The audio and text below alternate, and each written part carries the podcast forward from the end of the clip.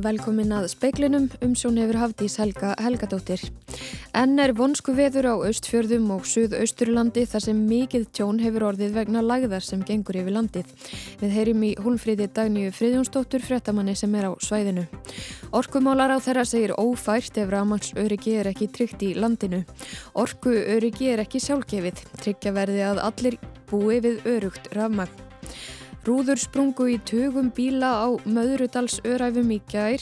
Nokkrir ferðamenn hlutu minniháttar meðsl en enginn slasaðist alvarlega. Talsmaður vegagerðarinnar segir að veginum hafi verið lokað of seint. Írönsk stjórnvöld verða að sæta ábyrð á harkalegri framgöngu sinni gegn mótmælendum, segir fórsætis á þeirra Kanada. Hann bóðaði í dag efnahags þvinganir gegn Íran. Bissumadur sem misti sjö börn, fjóra kennara og tvo öryggisverði í rúsnarskum skóla í morgun var í ból með hakakrossi. Rúslandsfórseti segir árásina vera hriðjuverk. Mikill veður ofsi hefur gengið yfir landið síðan á laugardag. Versta veðrið er afstafið en þó er enn vonsku veður á austfjörðum og suðausturlandi. Það eru gular viðvarinir í gildi fram undir miðnætti og hólfröður dagni Freidjónsdóttir fréttamaður er á svæðinu. Hólfröður, hvernig er veðrið núna? Já, það er ótt að segja að það sé enn mjög kvast á reyðarfyrði og sérstaklega þá út á mjóeirarhöfn þar sem algóa alverið stendur meðal annars. Þar er einfallega bara erfitt að fóta sig nema í skjóli og það er líka stærðarinnar skemma þennilega með 6 metra stafni sem er bara alveg fókin af húsinu og það er ljóst að tjónið er mikið bæði á því húsi og fleirum sem eru illa leikin og ljóst að mikið hefur gengið á þarna á höfninni sérstaklega. Fólk sem við hefum rætt við í dag segja að þetta versta veður í mannaminnum hér fyrir austan, sérstaklega þegar litið til þess að það er enda bara septembers og þetta er nú fyrsti svona alvöru haust kvellurinn. Og þó að því enn mjög kvast uh, voru fjallvegir opnaður núna setjumpartin en það er þó ennþá alveg 30 metrar í kviðum á fagðardal melli reyðarfjörðar og eigilstað og vissar að fara valega. Þannig að fólk er svona, já það er ekki að fara á stjá ennþá og þar alveg ekki hægt að kannski að meta tjón alminlega? Nei, það er mjög fáir á ferli en þó kannski nokkur er svona forvittnir sem er að skoða, fyrst að stíga út núna og skoða tjónið. E, það er enn brjála veður og hvorki hægt að hefja hrinsunastarf á reyðafyrði eða segisfyrði, það sem ég var líka í morgun. E, fólk hefur sett stort grjóta og brak húsa til að fjúk ekki á hafút en að öðru leiti er mjög lítið hægt að gera fyrir að veðrið slótar og mörg talum að það sé ekki vita almenna hvað tjónið sé mikið því það hefur bara einfallega ekki verið hægt að fara út til að kanna það fyrir en bara núna á síðustu klukkutímanum. Einmitt. Takk fyrir þetta Ólfríður Dagni Friðjónsdóttir fréttamaður og við höldum að sjálfsögðu áfram að fylgjast með málum þarna. Guðlugur Þór, Þórðarsson, orkumálar á þeirra segir viðtækt ramasleysi á landinu í gær sína að ekki sé und að taka orkuöryggi sem sjálfsögum hlut. Tryggja verði örugt ramagn fyrir alla. Þetta er auðvitað graf alvælt mál og minnir okkur á það að við getum ekki tekið orkuöryggi sem gefn. Við hefum kannski gert það. Okkur finnst þetta bara algjörlega sjálfsagt við hefum lítið rætt þetta. Þetta er svo sannlega ekki verið rætt fyrir kostningar eða almennt í stjórnmálunum. Og, e, það, en það liggur fyrir að það er verk að vinna. Því að e, þetta var kerfi að byggt upp að stærstum hluta fyrir mjög lengur síðan. Það er alveg ljóst að við þurfa á meiri orku að halda þegar við förum í orku skiptin og við sættum okkur ekki við það að íbúðalansins sama hvar þeir eru og hversu margir hverju sinni bú ekki við orku öryggi. Kjarni málsins er að byggðalínan hringinum landið er hálfrar aldar gömul, segir Guðlaugur Þór. Við höfum þurft að, að eh, horfa sérstaklega til þess þegar kemur orkuörygginu að hún þól ekki eh, álag sem getur komið og það er eitthvað bara að vera. Þannig að eh, það þarf ekkert, ekkert að ræða það neitt frekar. Máli er þetta að við þurfum að átt okkur á því, orkuöryggi er ekki sjálfgefið, þetta er allt saman mannanaverk og við erum að horfa fram á eh, mikið af áskorunum í nánustu framtíð og mikilvægt að breyðast í þeim því að eh, við viljum ekki sjá þetta gerast. Sagði Guðlaugur Þór Þórðarsson, Ólöf Rún skóladóttir talaði við hann. Tugir erlendra ferðamanna lendu í sjálfheldu á möðrudalsörafum í gær.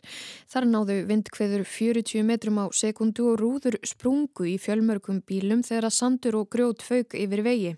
Upplýsingafulltrúi vegagerðarinnar segir líklegt að hluti þeirra hafi farið fram hjá vegalókunum. Vilhjálmur Vernharðsson er eigandi gistiheimilisins fjalladýrð í Möðrudal. Þar gistu um 70 manns af sér óveðrið sem hafðu setið fastir í bílum sínum. Vilhjálmur segir aðstæður hafa verið mjög erfiðar. Það skall bara saman í mjög vond veður og það voru bara strandbílar viða og bílar útkaf viða og svo var svo mikið í sko þetta vandla bæði halgir stórfið eða halgir stórfið með svo mikið grót, gróti og sandi í að, að þannig að fóru bara rúður úr öllum bílum sem voru hérna á mið, miðsvæðinu. Hann segir að sem betur fyrr hafi engin börn verið í bílunum og engin ferðamannana slasast alvarlega. Sko, fólk var aðeins skorið bara eftir glerbrot en ekkert alvarlega, uh, bara eftir að rúður splungtruðust yfir fólk fólk er vanlega bara sjokk í gær og, og það voru bara feið að komast í húsaskjóru og, og mat í gerðkvöldi og, og vera komið já, í hús. Það kom starfsfólki vegagerðarinnar í opna skjöldu hver kvast var á Möðrudalsöræfum í gær. Í samtali við fréttastofu sagði G. Pétur Mattíásson, upplýsingafulltrúi vegagerðarinnar, að líklega hefði átt að loka veginum fyrr en veðrið hafi verið verra á þessum slóðum en spáð var. Þegar veginum var lokað fyrst var sett hlið fyrir vegin öðrum megin en hann segir líta út fyrir að sumir ferðamannana hafi verið lengi á veginum og orðið óhefnir að stormurinn skildi skella á, en aðrir virðast hafa farið fram hjá lókunarpostum. Hann segir aðstæður á veginum hafa verið óvenjulegar, sjaldan sé svo kvast þar án þess að það sé frost í jörðu sem skýri sand og grjótfokk sem eigðilagði fjölda bíla. Ólef Rún Erlendstóttir tók saman. Og við þetta má bæta að Ríkislauruglustjóri hefur aflýst óvissustígi almannavarna vegna ílviðriðsins. Hann hefur einnig aflýst óvissustígi vegna jarðskjálta hrinunar út af Norðurlandi sem setti marksitt á líf grímseyinga framann af mánuðinum. Kanadísk stjórnvöld tilkynntu í dagum viðskiptafinganir gagvart írönskum stjórnvöldum vegna hardrar framgöngu þeirra í garð mótmælenda í landinu. Að minnstakosti 41 hefur látist í mótmælunum sem brutust út eftir að rúmlega tvítu kona lést í haldi siðgæðislauraglu í höfuborginni Teheran. Justin Trudeau, fórsetisöður að Kanada, tilkynntu um viðskiptafingarnirnar í dag. Hann sagði að írönsk stjórnvöld yrðu að sæta ábyrð. The Iranian regime refused to be held accountable, but our government was and is relentless in the pursuit of justice for the families of the victims. We will stop at nothing to ensure that this regime is held to account and that we will support the families until justice is served. Trudeau sagði að kanadíska stjórnin berðist fyrir réttlæti til, að, til handa þeim fjölskyldum sem eiga um sártað binda. Kanadamenn myndu einskins láta ófreistað til að tryggja að írönsk stjórnvöld auksliðu ábyrð á að brjóta mannréttindi á írönskum almenningi. Tala látina er komin upp í 13 eftir skotárás í skóla í borginni Ísvik í miðhluta Rúslands í dag. Bissumadurinn fyrir um nefandi við skólan var í, var í ból með hakakrossi framan á þegar hann ruttist inn í skólan. Myndband sem sjáum á VF BBC sínir kennara og skólabörn leita skjóls í byggingunni eftir að skotriðin hófst. Bissumadurinn var sjálfum sér að aldur til að áður en lauruglan náði til hans. 13 eru látnir og 21 til viðbótar er alvarlega særður. Vladimir Putin Rúslandsfósiti kallar árásuna hriðjuverk. Meðal látina eru sjö skólabörn og sex fullortnir, þar af tveir öryggisverðir við skólan. Í rúsneskum fréttamiðlum í dag hafa byrst myndbönd og myndir sem sína blóð á vekkjum skólans og nefendur sem flýja í dauðans ofbóði út á skólalóð. Þingmaður frá Ísífsk segir að maðurinn hafi verið vopnaður tveimur skambisum og nafngreindi hann, Artem Kasanstev.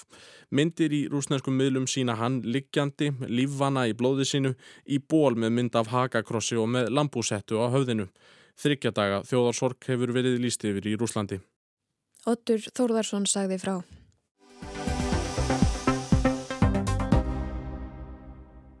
Ljóst er að tjón sem orðið hefur af völdum veðurofsans sem gengið hefur yfir landið austan og norðanvert er mikið.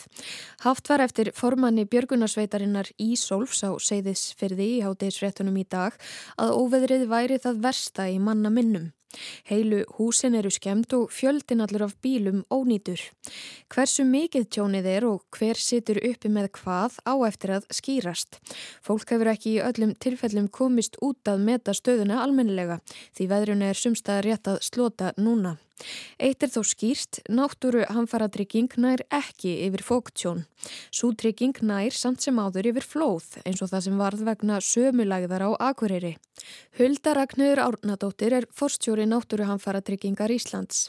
Við höfum fundað með aðgerastjórn á svæðinu og við höfum séð afmörkun á því svæði sem að, að mesta tjóni varð á. Þannig að við vitum að þetta eru tiltöla fáar egnir en frekar stór tjón á hverja eign en við erum ekki komið með eina krónutölu að slíkt. Það sem er vátryggt hjá okkur eru í rauninni það sem að flokkast undir náttúruhamfæri samkvæmt lögum um náttúruhamfæri tryggingu að af atbyrðum eins og þessum, þessari lægð sem að var að ganga yfir landið um helgina þá eru það sjávarflóðin síðan til viðbóta við það þá eru öskriður og snjóflóð og, og jarðskjaldar og eldgós tryggt hjá okkur líka en, en rók eða, eða svona ofsaveður er ekki tryggt hjá okkur. Allar húsegnir á Íslandi eru vátriðar hjá Náttúruhamfaratryggingu Íslands. Innbú og lausafjö er það hins vegar ekki í öllum tilfellum. Til þess að innbú og lausafjö fólk sé tryggt fyrir náttúruhamfurum þarf það að vera brunatryggt hjá sjálfstæðu tryggingarfjölögunum. Hulda segir áhyggjöfni hver fáir gerir sér grein fyrir því.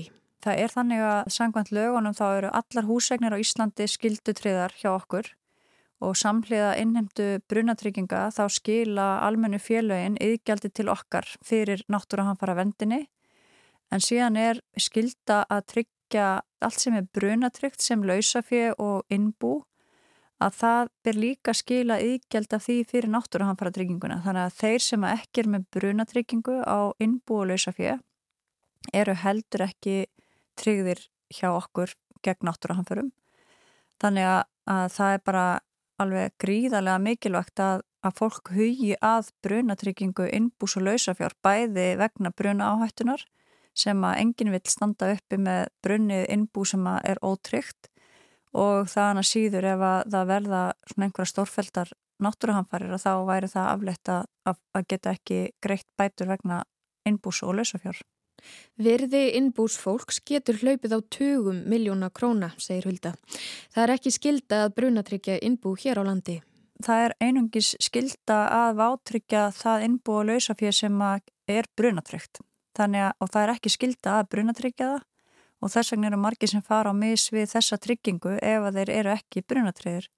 Og það er líka því miður algengum miskilingur að það sé skilda að brunatryggja innbú og lausafér og það er svona að telja margir, eh, sérstaklega kannski ungt fólk sem að kaupir allar sína skildutryggingar, það áttar sér hennilega ekki á því að innbúðira er ekki inn í, inn í þeirri tryggingu. Eftir veðrið í, í gær, er þið nú þegar farin að sjá eitthvað tilfelli um, um það? Það er raunin ekki farið að reyna á það ennþá, en inn í þessu eru til dæmis bara velbúnaður í, í stórum uh, trésmiðavestæðum og velsmiðum og slíku að oftast nær er það með brunatryggingu vegna bara áhættunar sem að tekin er í rekstri ef að það væri ekki en það er algengar að við sjáum innbú hjá bara svona venjulegu fólki sem að ekki er vátryggt og við höfum lendið því í þessum atbyrðum bæða á Seyðisfyrði og, og Selfossi og hveragerði hérna 2008 í Jærskjáltanum að þar voru talsvert algengt að fólk væri með ótryggt innbú. Huldar segir stofnunina búna undir að auknum veðuröfgum geti fyllt tíðari náttúruhamfærir líkt og skriðuföll og flóð.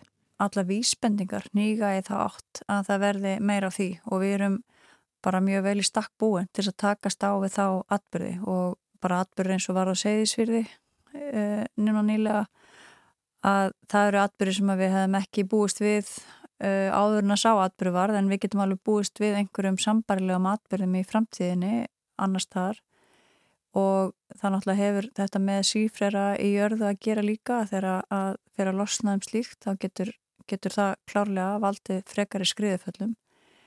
Og en svona veður atbyrðir eins og við erum að horfa á um helgina oftast er þetta stærsti skaðinir vegna fóks en það eru tjón sem eru vátrygginlega hjá almennu vátryggingafélagunum en ég held að þetta sé trygging sem, að, sem allra flestir e, þyrta að huga að vegna þess að þetta er að verða æg algengara að það gangi yfir svona djúpa lagðir bæði haust og, og yfir vetur og ég held að það sé bara mjög mikilvægt að fólk hugi að þessari, þessari áhættu hjá sér.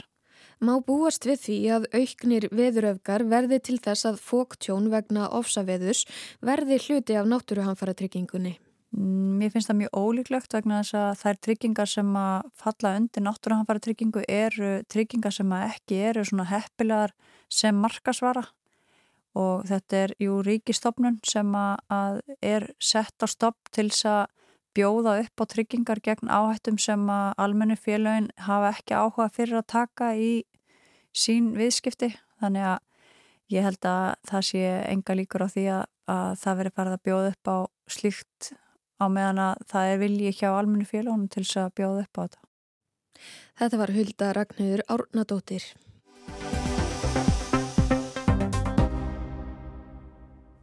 Í gær brá mönnum ekki síst við rafmagsleysið sem var á næstum hálfu landinu frá höfni í Hortnaferði alltaf blöndu um tíma. Ekki er fulljóst hvað olli en líklegast að fóktjón hafi orðið til þess að lína fór út og mikið álag var á byggðalínu. Björn Ingi Másson, sveitastjóri í Múlaþingi, segir að finna verði skýringar á hvað gerðist, ekki síst séð að alvarlegt ef og þegar fjarskipti bregðast og menn ná ekki tengingu. Þetta er nú bara mál sem að við, og er bara æskilegt að við fáum bara skýringar á. Hvað er það sem þessu veldur? Því eins og þú segir, hann að feð bara hálft landið úr sambandi.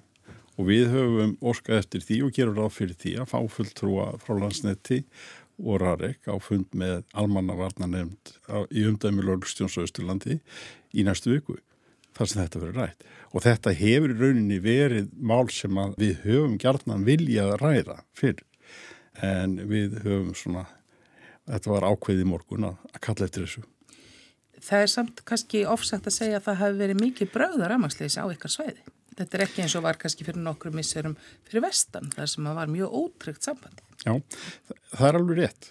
En þarna er bara, ég er að koma upp hlutir sem að valda eðlulega óöryggi. Því þetta er líka spurningin um sko fjarskiptatengsl. Því að það er eh, sko eitt af því sem að, maður heyrir að, að menn voru ekki að komast í samband við útvarp og fleira og það er bara mjög alvarlegt mál ef að svona hlutir, eða þegar við erum lenda kannski í mítið náttúruvá, að menn ná ekki tengingum. Að öðru leiti er hægt að meta það eitthvað eða sjáu hvenar heldur að verða hægt að átta sig á því bara því tjónu sem hefur orðið? Það er náttúrulega verður svo sem ekki hægt að fara í, í mat á því fyrir en að við í rauninni gefum bara grænt á það að fara í bara hreinsunastarf. Verið hefur ekkit slotað alveg, við erum ekkit að gera ráð fyrir að, að fara í hreinsanir fyrir á morgun og þá kemur þetta betur í ljós. Við allan að okkar tilfinning er svo að við höfum verið svona tiltulega heppin í múlaþingi. Það var þarna tjón, þetta merkahús sem er, er angró, það í rauninni bara fellur saman en e, allavega eins og staðin er núna erum við ekki með upplýsingar um svona einhver önnur viðlíka tjón engin svona, engin svona veruleg tjón þetta er tjón en ekki, ekki já, stórkosleta þarna Mesta fóktjóni verist að vorið á reyðafyrðið, eftir ekki? Já. Og hvað var það þar sem fór af stað? Veðurofsinn og veður áttinn sem þessu veldur, vantarlega verður bara svona öflugur strengur, vindstrengur sem gerir það verkum að, að þarna fara, fara mannverki bara ílla. Á segðisfyrði þar sem að þetta gamla hús, bara einlega svona fellur inn í sjálft sig, sínist manni af myndum, eh, það er náttúrulega ekki mjög langt síðan að þar urðu mikil tjón í öðruvísi hamförum, skriðuföllin sem urðu þar. Þetta er óþægileg tilfinning. Þetta er ekki þægileg tilfinning og þarna er alveg ljóst að, að Þannig er það bara byrðaverki sem hefur ekki verið komið í lag og þar að leiðandi sko, fellur reynur húsið eða fellur saman. En þetta er náttúrulega afar óþægilegt líka bara fyrir þetta samfélag. Það er það stutt síðan að við lendum þarna í, í mjög uh, miklum náttúru hamförum og það er uh, líka eitt af því sem við munum þá huga að í framhaldið af þessu. Eiga líka bara samtalið okkar á milli íbúarnir og síðan bara sérstaklega við þá sem að, að voru á þessu sæði. Það var búið að vara við þessu en þetta var, jafnvel, eða var þetta verða heldur með náttu vona? Ég held nú að það sé alveg ótt að segja að það er viðvaran sem var búið að gefa út, það er gáð þetta til kynna og ég held að það hafi alveg klálega sko hjálpað okkur. Sérstaklega til dæmis að, að menn fóru og undirbyggur sig og voru viðbúni til dæmis á hafnarsvæðunum. Þannig að við lendum ekki í tjóni sem henni hefur annars geta lend í og það var búið að, að ráðleggja fólki að vera ekki á halda sig bara inni við. Þannig að ég, ég held að þetta hafi bara verið sko vandað og rétt mat hjá sérfræðingum viðstofu og, og þetta skilaði sér. Hvað finnst þér, svona hvar er augljósast að þarfa að svona skoða sérstaklega núna eftir, eftir þennan atbyrðum? Sko það sem að eins og við bara komum inn á áðan, það þarf náttúrulega að skoða þessi mál varðandi rávorkuna síðan er það þetta að við líka bara virðum þetta þegar að kema þegar hefur búið að láta okkur vita að hauslæðinar er að koma að koma lausa munum í var. Í langflestum tilvikum hafði fólk brúðist við því en því miður ekki öllum. Þannig að menn voru að fá þetta fjúkandi sko, hús á milli, lóða á milli og svo framvegis. Og þetta skapa bara tölverða hættu. Þannig að þetta er það sem við þurfum bara að venja okkur á, hlýðum þessu þegar við fáum bara þessar tilkynningar og bregðust við því. En hvað telur þau brínast í rámaksmálunum? En hafa náttúrulega verið að tala um og er svo sem ekkert nýtt og það er að koma á virkri ringtengingu í landinu. Það er náttúrulega afar mikilvægt að það takist annars er ég bara spenntu fyrir þig að eiga þetta, þetta samtal með fulltrúum landsnes og, og Rarik sem við erum að horfa til næstu viku og það verður bara fróðlegt að fara yfir þetta þar. En það er mjög mikilvægt að við náum að samtengja kerfin í landinu. Sæði Björn Ingimarsson, sveitastjóri í Múlaþingi, Anna Kristín Jónsdóttir talaði við hann.